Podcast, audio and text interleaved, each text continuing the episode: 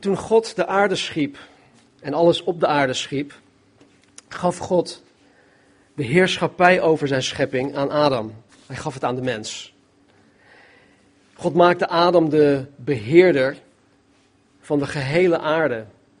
Ondanks dat hij op één plekje stond, de Hof van Eden, had God wel hem de beheerder van de hele aarde gemaakt. God maakte hem de heerser van het aardse rijk.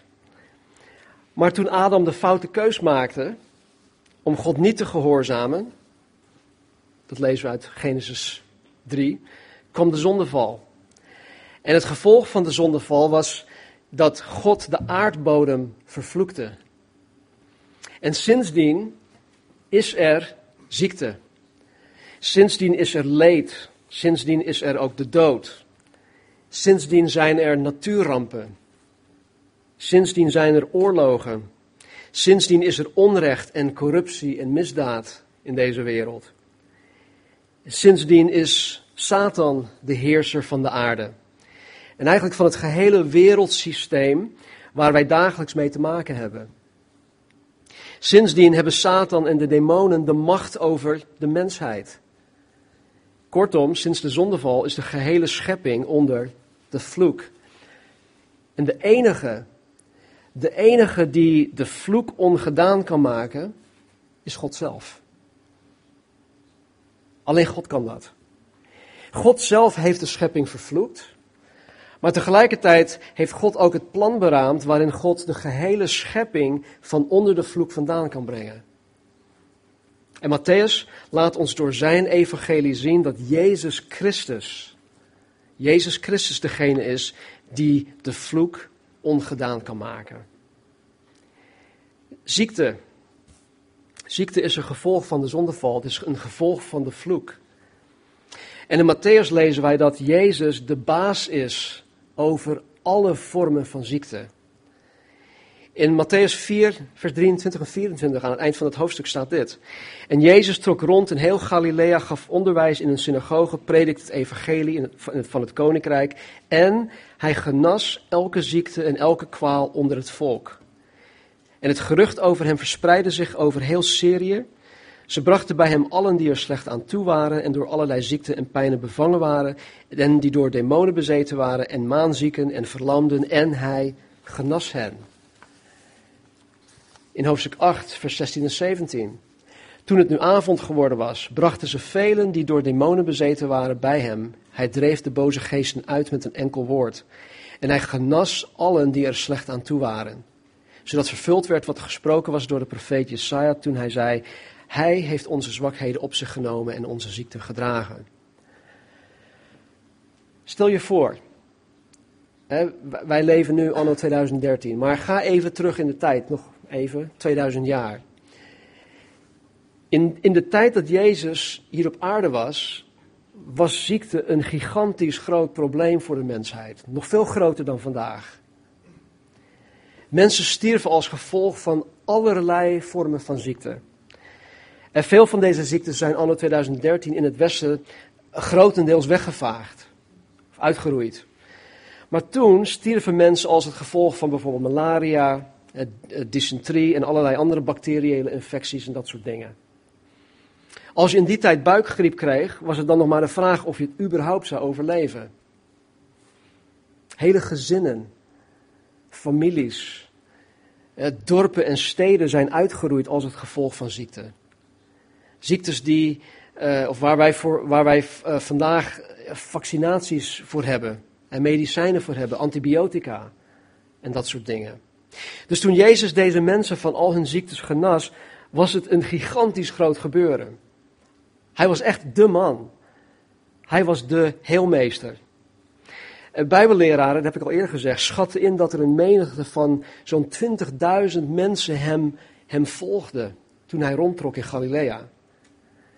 En wat Matthäus hier voor ons vastlegt, is dat Jezus in dat gebied, in Galilea, ziekte onder de mensen had weggevaagd. Hij had ziekte helemaal weggevaagd. Er staat, hij genas elke ziekte en elke kwaal onder het volk. Dus zoals ziekte tot de mensheid kwam als een gevolg van de zondeval en van de vloek, is God zelf in de persoon van Jezus Christus tot de mensheid gekomen om de vloek en als gevolg van de vloek de ziekte ongedaan te maken. Dat heeft hij aan de mens getoond. Dat heeft hij aan ons getoond. Het, Matthäus heeft het voor ons vastgelegd. En het bewijs daarvan is dat Jezus Christus de enige is geweest en ook de enige ooit zal zijn die op zo'n grote schaal de ziekte onder de mensen heeft weggevaagd. De hele geschiedenis van de mens, van de mensheid, is dat nog nooit eerder gebeurd en het zal ook nooit meer gebeuren. Nooit tevoren en nooit daarna is er iemand geweest die dit heeft gedaan. Laten we onze Bijbels openslaan op Matthäus hoofdstuk 8 en dan pakken we het op bij vers 4.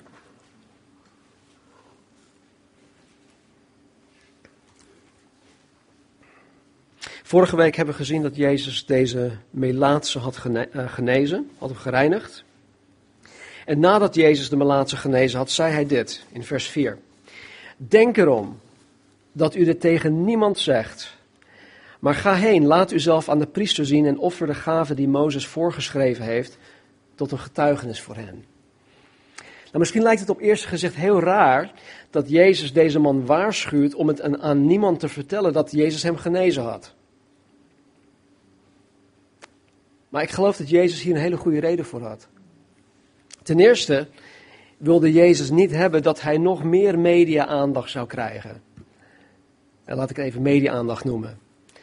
Omdat de Joodse bevolking er alleen maar op uit was om hem als politieke messias aan te stellen.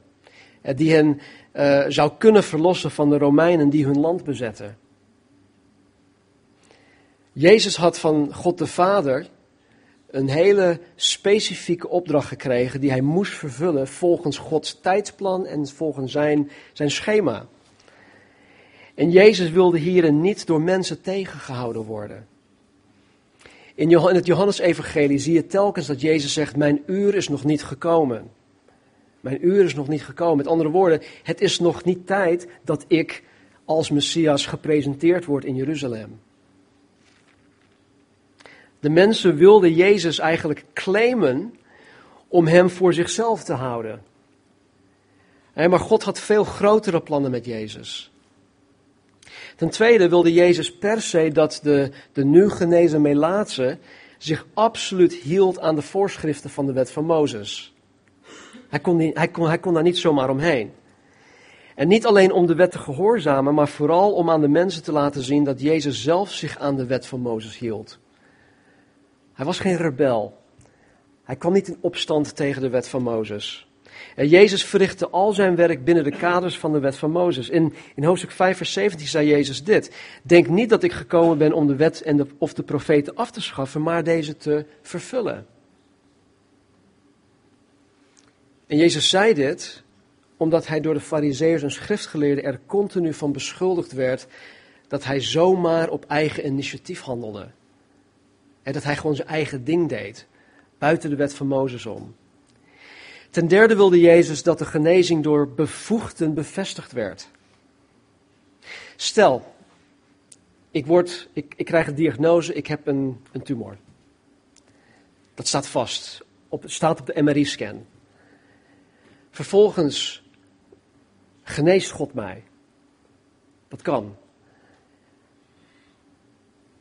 Dan wil ik wel weten, of dan willen anderen misschien ook wel weten, of het daadwerkelijk weg is of niet. Nou, dan ga ik voor de tweede keer de MRI-scan doorheen en het is weg.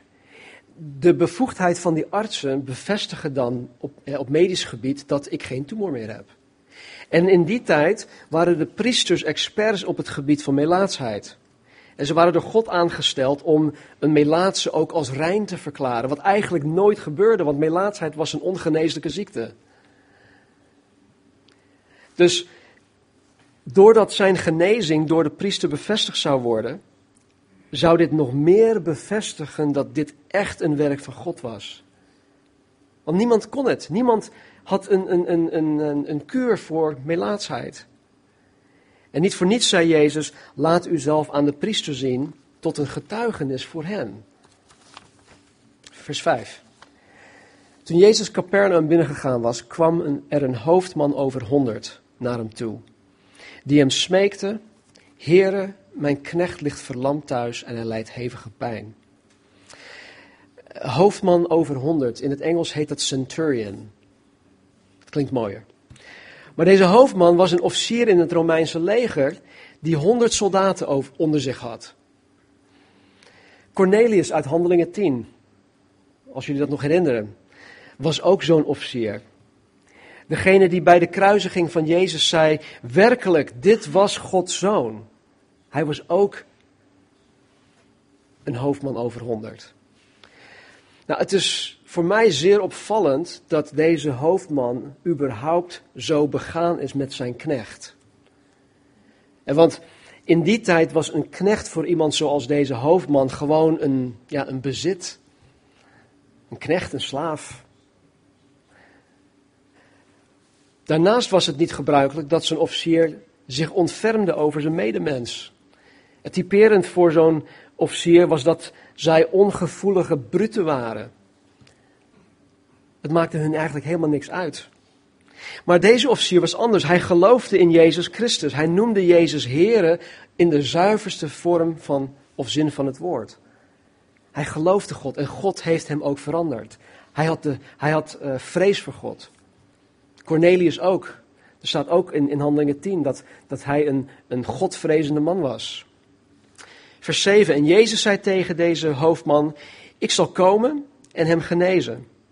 De hoofdman antwoordde en zei: Heere, ik ben het niet waard dat u onder mijn dak komt, maar spreek slechts een woord en mijn knecht zal genezen zijn. Tegen alle menselijke regels in was Jezus bereid om naar het huis van deze heiden toe te gaan om zijn knecht te genezen. Een Jood, zoals Jezus, was verboden om een huis van een heide binnen te gaan. Waarom? Want heidenen waren onrein. Sterker nog, deze hoofdman was meest waarschijnlijk een Samaritaanse heiden. Dit betekent dat hij deels Joods was en deels heiden. Hij was een halfbloedje. En Samaritanen waren door de Joden de minst geliefde mensen, omdat zij zich met heidenen hadden gemengd.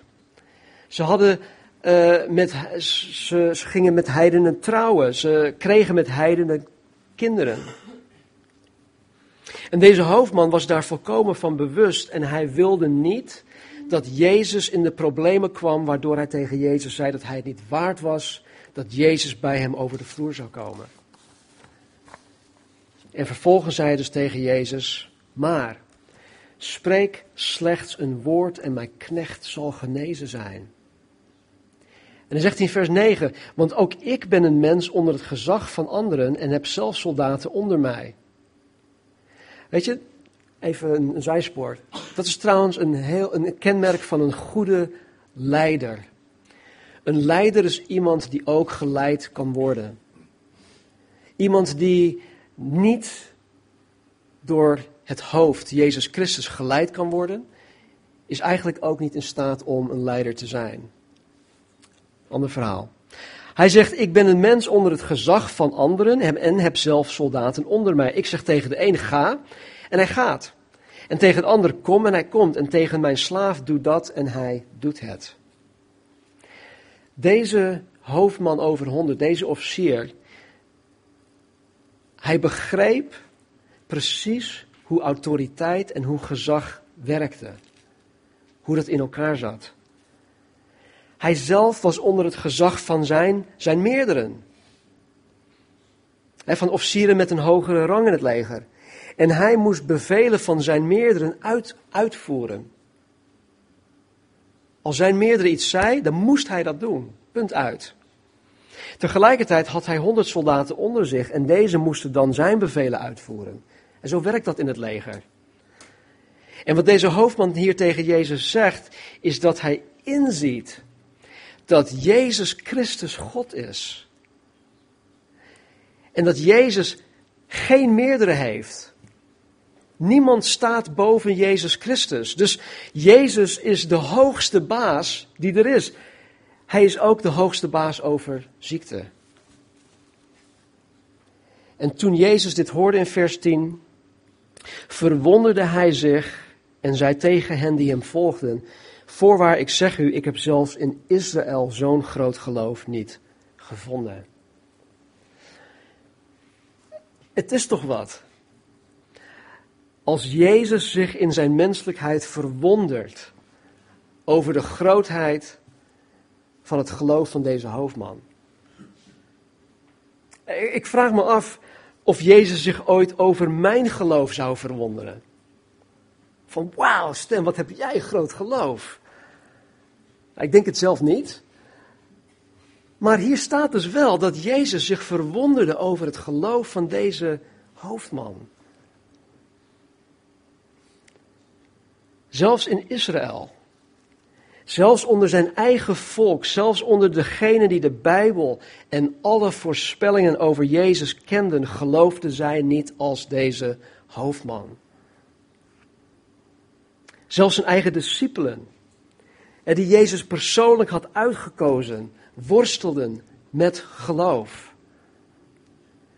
Telkens spreekt Jezus hen aan op hun ongeloof of op hun kleingeloof. Petrus verlogende Jezus zelfs.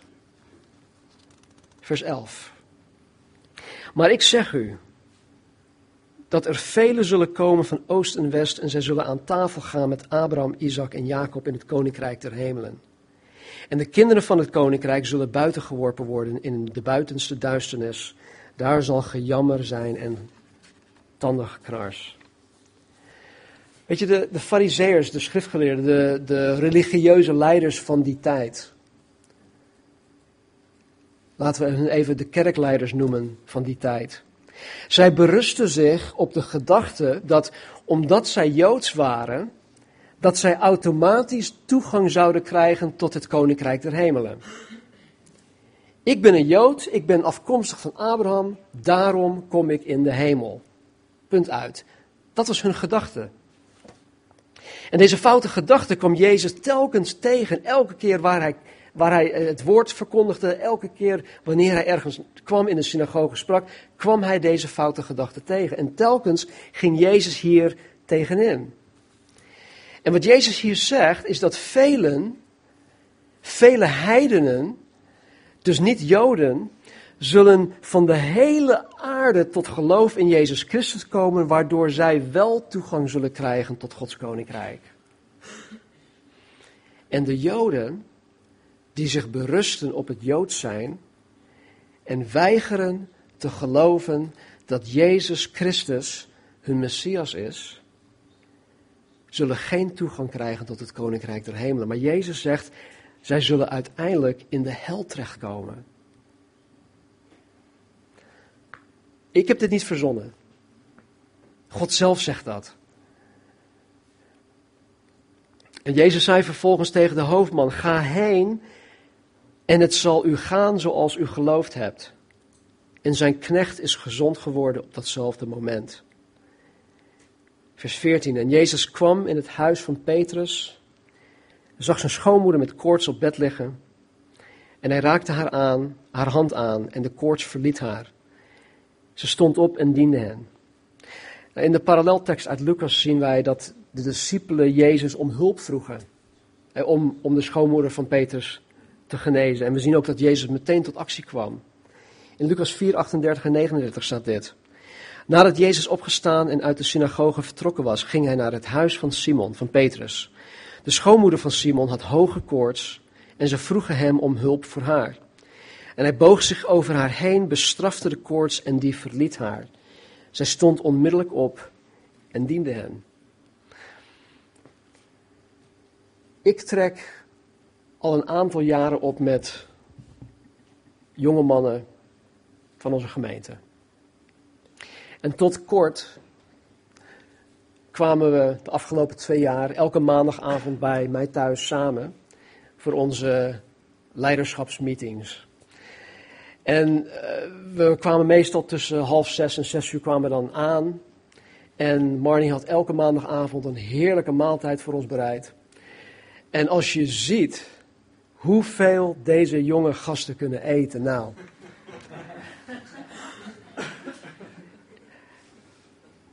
Ik zou, ik zou failliet gaan als dit mijn zonen waren. En dus, weet je, ik, ik kan me, misschien gaat het niet helemaal, maar ik kan me voorstellen dat deze jonge mannen, die met, met, met Jezus, dat waren ook jonge mannen toen, nogal honger hadden. En dat ze dan bij Simon Peters thuis iets wilden eten, maar ja, zijn schoonmoeder lag ziek in bed. Nee hoor, grapje. En dat ze dan zeggen van, Jezus, uh, kom op, doe er iets aan, we hebben honger. Goed, Jezus was er en ze stond onmiddellijk op en diende hem. hen. Ze diende hen. En toen het nu avond geworden was, brachten ze uh, velen die door demonen bezeten waren bij hem. En Jezus dreef de boze geesten uit met een enkel woord. En hij genas allen die er slecht aan toe waren, zodat vervuld werd wat gesproken was door de profeet Jesaja toen hij zei: Hij, Jezus, heeft onze zwakheden op zich genomen en onze ziekten gedragen.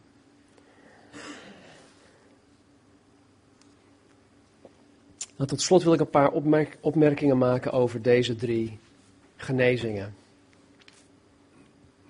Ten eerste weten wij uit hoofdstuk 4, vers 23 en 24 en ook hier uit vers 16 dat Jezus alle zieken genas. In het Grieks betekent het woord alle, alle. Hij genas alle zieken. Hij heeft die Galilea ziekte weggevaagd. En door dat te doen heeft Jezus bewezen de Messias te zijn. Dit werd 700 jaar geleden, of daarvoor, door de profeet voorspeld. Dit is wat de Messias zal gaan doen wanneer hij hier op aarde komt. En hij heeft bewezen dat hij is die hij beweert te zijn door dit te doen. Dat was eerst. Ten tweede ligt de focus denk ik niet eh, van deze drie genezingen zozeer op de kracht van Jezus om te genezen. Want we zien dat hij alle mensen genas. Zonder dat wij daar enige details over kennen. Maar ik geloof dat de focus meer ligt op de mensen die Jezus genezen heeft. De drie verschillende mensen. En dit is waar het voor mij een gigantisch grote bemoediging wordt. Het eerste voorbeeld die door Matthäus belicht wordt is een melaatse. Nou, daar hebben we het vorige week uitgebreid over gehad. Een melaatse werd door de gehele maatschappij als uitschot beschouwd. En melaatse had menselijk gezien totaal geen waarde in de samenleving. En ze waren de melaatse liever kwijt dan rijk. Maar Jezus ontfermde zich over deze melaatse. Jezus deed zelfs iets dat voor een Jood totaal niet toegestaan was. Jezus raakte met zijn hand deze Melaatse aan. Weet je, ik vraag het maar aan Marnie. Ik ben iemand die. Ehm, ja, hoe kan ik dat zeggen? Ik ben een knuffelbeest. Ik heb Marnie's genegenheid gewoon nodig. We, knuffelen elkaar altijd. En zelfs hier in de gang ook. Ik weet niet of dat jullie ooit is opgevallen. Maar ik kan gewoon niet van eraf blijven. En zij ook niet van mij. Maar we, ik, we hebben dat en we hebben dat nodig. Mensen hebben lichamelijke aanraking nodig.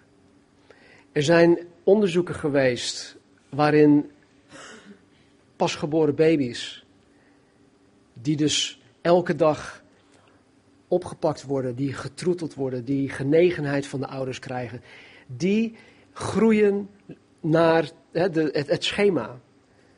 Er zijn ook onderzoeken geweest voor, naar kinderen die dus in een weeshuis opgroeien, die deze genegenheid niet krijgen. En er is zo'n achterstand in hun lichamelijke groei, in hun ontwikkeling. Dus mensen hebben gewoon die, die aanraking van, van, van, de mens, van mensen nodig. En ik kan me voorstellen dat als je een melaatse bent, dat, dan heb je niemand om je aan te raken. Niemand om je even een, een hug te geven. En ik kan me ook voorstellen dat deze Melaatse snakte naar een, een menselijke aanraking. En Jezus wist dat. En wat doet hij? Hij gaat tegen alle regels in en hij raakte deze Melaatse aan.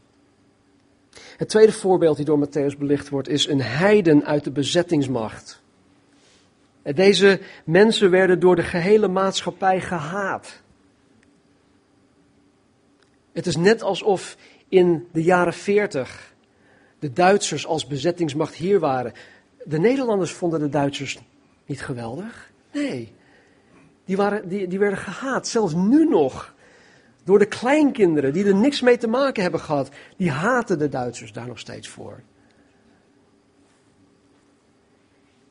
Veelal werden soldaten en officieren gerekruteerd uit de bevolking van het land of het gebied dat bezet werd. Het kan heel goed zijn dat deze hoofdman iemand was die in dat gebied opgegroeid was. Die daar bekend was, maar die in dienst van Rome was en die nu zijn eigen volk moest onderdrukken. En vooral de Joden haten dit soort mensen. Maar Jezus ontfermde zich over deze hoofdman en over zijn knecht. Jezus ging zelfs zo ver dat hij, dat hij zelfs de regels wilde overtreden door naar zijn huis te willen gaan om zijn knecht te genezen. Maar uiteindelijk sprak Jezus slechts één woord uit en de knecht genas. Het derde voorbeeld die Jezus, of die door Matthäus belicht wordt, is een vrouw. Anno 2013 is dat heel normaal. Maar in die tijd begonnen de mannelijke Joden elke ochtend met een dankzegging. En waarin zij God dankten dat zij niet een slaaf, een heiden of een vrouw geboren waren. Vrouwen werden in die tijd geminacht. Ze hadden geen rechten in de maatschappij. En in de ogen van de zelf ingenomen Joodse mannen hadden vrouwen totaal geen waarde. Maar Jezus ontfermde zich over deze vrouw. De schoonmoeder van Petrus. En wat deed hij? Hij genas haar. Er staat alleen dat zij hoge koorts had, maar we weten dus niet wat de oorzaak daarvan was. In vele gevallen overleden mensen die hoge koorts hadden. Dus ik denk dat het voor haar wel heel ernstig was. En dus greep Jezus in en redde deze vrouw van haar ziekte. Nu dit. Alle drie mensen die door Matthäus hier belicht worden, waren mensen van een zeer lage stand. Alle drie. Vooral in de ogen van de zelfingenomen religieuze leiders waren deze drie mensen het niet waard om maar enige aandacht aan te besteden. En laat staan dat iemand zich over deze mensen ontfermt. In het Engels, dit is heel cru, zeggen ze wel eens, oh, that person is not worth the oxygen on the planet. Die persoon is niet eens de zuurstof waard. Als ze iemand zo minachten. Dus doordat Jezus zich wel ontfermt over deze mensen, gaat Jezus dwars tegen de gevestigde orde in. En dit is een grote bemoediging voor allen die door de maatschappij veracht worden. Dit is een grote bemoediging voor mij. Dit is een grote bemoediging voor allen die door de maatschappij geminacht worden. Die door de maatschappij gepest en geplaagd worden. Of je nu wil geloven of niet. Ik word soms als K-Marokkaan uitgescholden.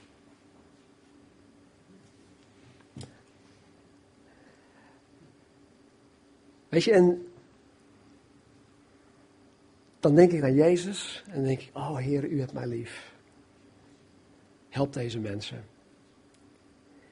Jezus ontfermt zich over mensen van een zeer lage stand. Want Jezus Christus, de God van de Bijbel, die als enige de macht heeft om de vloek ongedaan te maken, heeft mij lief. Heeft jullie lief heeft mensen lief en hij ontfermt zich over ons. Ten derde en tot slot wil ik zeggen dat Jezus gekomen is om de ziekte onder de mensheid geheel weg te vagen. Wat zeg je me nou? Jezus is gekomen om de ziekte onder de mensheid geheel weg te vagen. Wij geloven, hoop ik allemaal, dat Jezus in onze plaats voor al onze zonden is gestorven. Toch? Wij geloven dat wij uiteindelijk, wanneer wij in ons verheerlijk lichaam in het koninkrijk door hemelen terechtkomen, eh, wij geheel vrijgemaakt zullen zijn van ons zondige natuur. Het volmaakt werk van Jezus aan het kruis maakt, maakt het mij mogelijk om uiteindelijk geheel genezen te worden van de zonde. Er komt een moment. Maar in dit leven, hier op aarde, in dit zondig lichaam met al mijn zondige neigingen en met al mijn zondige begeerten, zal ik helaas blijven zondigen totdat ik geheel verlost word van dit lichaam. Ja, Jezus is bij machten om de vloek en de zonde geheel ongedaan te maken. Maar, dat moet je heel goed begrijpen, de vervulling daarvan is nog toekomstig. Samen met mijn toekomstig verheerlijk lichaam in Gods heerlijkheid, zal ik niet alleen geheel verlost worden van de zonde, maar ik zal ook geheel verlost worden van alle vormen van ziekte. Er komt een moment wanneer ik verheerlijkt word dat ik nooit meer, nooit meer hoofdpijn zal hebben. Nooit meer pijn in mijn gewrichten. Dat ik nooit meer griep zal krijgen, dat ik nooit meer ziek zal zijn. Nooit meer. Er komt een moment dat zoals de zonde ook ziekte geheel weggevaagd zal zijn. Maar in dit leven, hier op aarde, in dit zondig lichaam, zal ik helaas onderhevig blijven aan de ziekte. Totdat ik geheel verlost zal worden van de vloek van de zondeval. Laten we naar Openbaring hoofdstuk 22 gaan. Daar sluit ik mee af. Dit is allemaal toekomst. Dit is mijn toekomst, onze toekomst. Johannes de schrijver die werd opgenomen in de hemel. Hij kreeg een blik in de toekomst. Dat is, de, dat is openbaringen. En hij zegt hier aan het eind van het hoofdstuk, of aan het eind van het boek, openbaring, hoofdstuk 22, vers 1. En hij liet mij een zuivere rivier zien van het water des levens, helder als kristal, die uit de troon van God en van het lam kwam. In het midden van haar straat en aan de ene en de andere zijde van de rivier bevond zich een boom des levens, die twaalf vruchten voortbrengt. Van maand tot maand geeft hij zijn vrucht voort. En de bladeren van de boom zijn tot genezing van de heidenvolken. En geen enkele vervloeking zal er meer zijn. En de troon van God en het, van het Lam zal daar zijn. En zijn dienstknechten zullen hem dienen. En zullen zijn aangezicht zien. En zijn naam zal op hun voorhoofd zijn. En daar zal geen nacht zijn. Ze hebben geen lamp en ook geen zonlicht nodig, want de Heere God verlicht hen. En ze zullen als koningen regeren in alle eeuwigheid. En hij zei tegen mij, dus de engel zei tegen Johannes, deze woorden zijn betrouwbaar en waarachtig. En de Heere, de God van de heilige profeten, heeft zijn engel gezonden om zijn dienstknechten te laten zien wat met spoed moet gebeuren. En zie, ik kom spoedig. Zalig is hij die de woorden van de profetie van dit boek in acht neemt. En ik, Johannes ben die deze dingen gezien en gehoord heb. En toen ik ze gehoord en gezien had, viel ik neer om te aanbidden voor de voeten van de engel die mij deze dingen liet zien. En hij zei tegen mij, pas op dat u dat niet doet. Want ik ben een mededienstknecht van u en van uw broeders, de profeten. En van hen die de woorden van dit boek in acht nemen. Aanbid God. Er is engelenaanbidding is fout. Niet doen. Aanbid God, zegt de engel. En hij zei tegen mij, verzegel de woorden van de profetie van dit boek niet, want de tijd is nabij. Wie onrecht doet, laat hij nog meer onrecht doen. Wie vuil is, laat hij nog vuiler worden. Wie rechtvaardig is, laat hij nog meer rechtvaardig worden. En wie heilig is, laat hij nog meer geheiligd worden. En zie, ik kom spoedig en mijn loon is bij mij om aan ieder te vergelden zoals zijn werk zal zijn. Ik ben de Alpha en de Omega, het begin en het einde, de eerste en de laatste. Zalig zijn zij die zijn geboden doen, zodat zij recht mogen hebben op de boom des levens en opdat zij door de poorten de stad mogen binnengaan. Maar buiten bevinden zich de honden, de tovenaars, de ontuchtplegers, de moordenaars, de afgodendienaars en ieder die de leugen lief heeft en doet. Ik, Jezus, heb mijn engel gezonden om bij u in de gemeenten van deze dingen te getuigen. Ik ben de wortel en het nageslag van David, de blinkende morgenster. En de geest en de bruid zeggen, kom.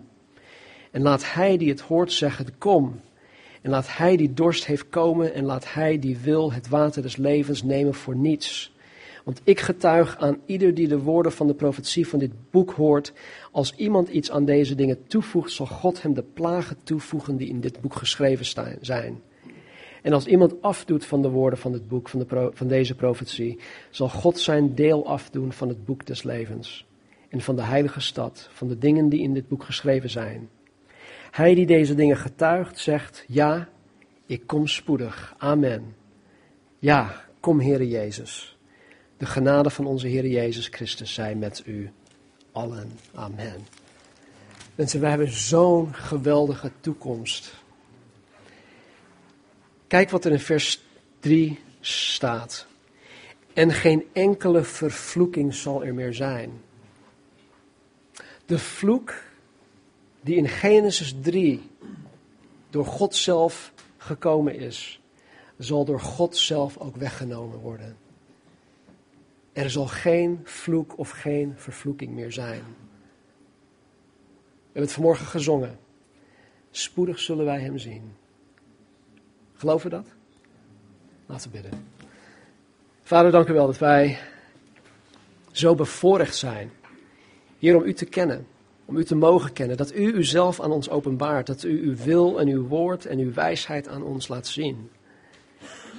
En Heer, dat uw Heilige Geest vanmorgen tot ons door uw woord hebt gesproken.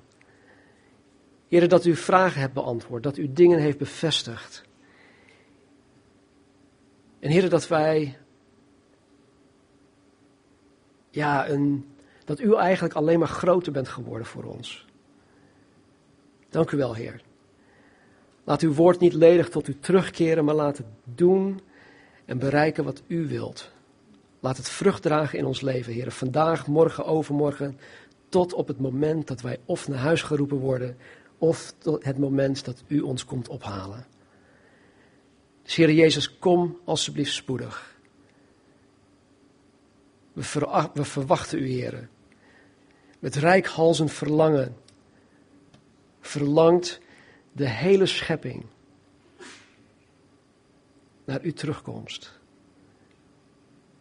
wanneer de vloek ongedaan zal worden.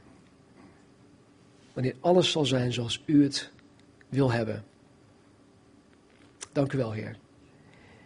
Heer, we geloven dat u vandaag de dag nog steeds kan genezen en wil genezen. Maar Heer, we zien uit naar het moment dat wij volledig genezen zullen zijn in uw aanwezigheid. Verheerlijkt in uw heerlijkheid. Dank u wel voor die belofte. Dank u wel voor die geweldige toekomst die u voor ons in petto heeft. In Jezus' naam danken wij u. Amen. Amen.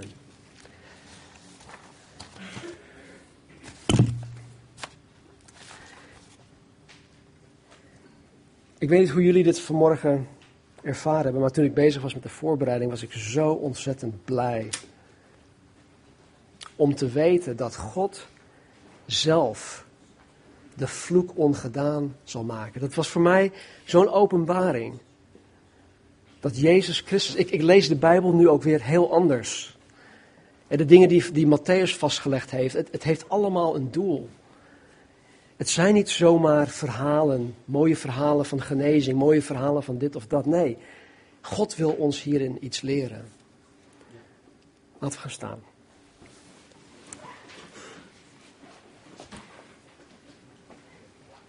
In spreuken staat er ook dat God zijn wijsheid en zijn inzicht toevertrouwt aan degenen die aan hem zijn toegewijd. Dus mijn gebed voor een ieder van jullie deze week en eigenlijk totdat hij komt, is dat jullie zo toegewijd zijn dat hij zichzelf aan jullie kenbaar zal maken. Dat hij zijn, jullie inzicht zal geven van, vanuit zijn hart, vanuit zijn geest. Opdat jullie meer en meer van hem zullen leren kennen en daaruit meer en meer voor hem zullen gaan leven. Dus wees gezegend, ook in jullie gezinnen, in jullie huwelijken. En wees een voorbeeld voor deze duistere wereld om ons heen. Ze hebben God en zijn liefde en zijn redding keihard nodig. En God heeft ons zijn handen en voeten gemaakt tot dat doel. God zegen jullie. Amen.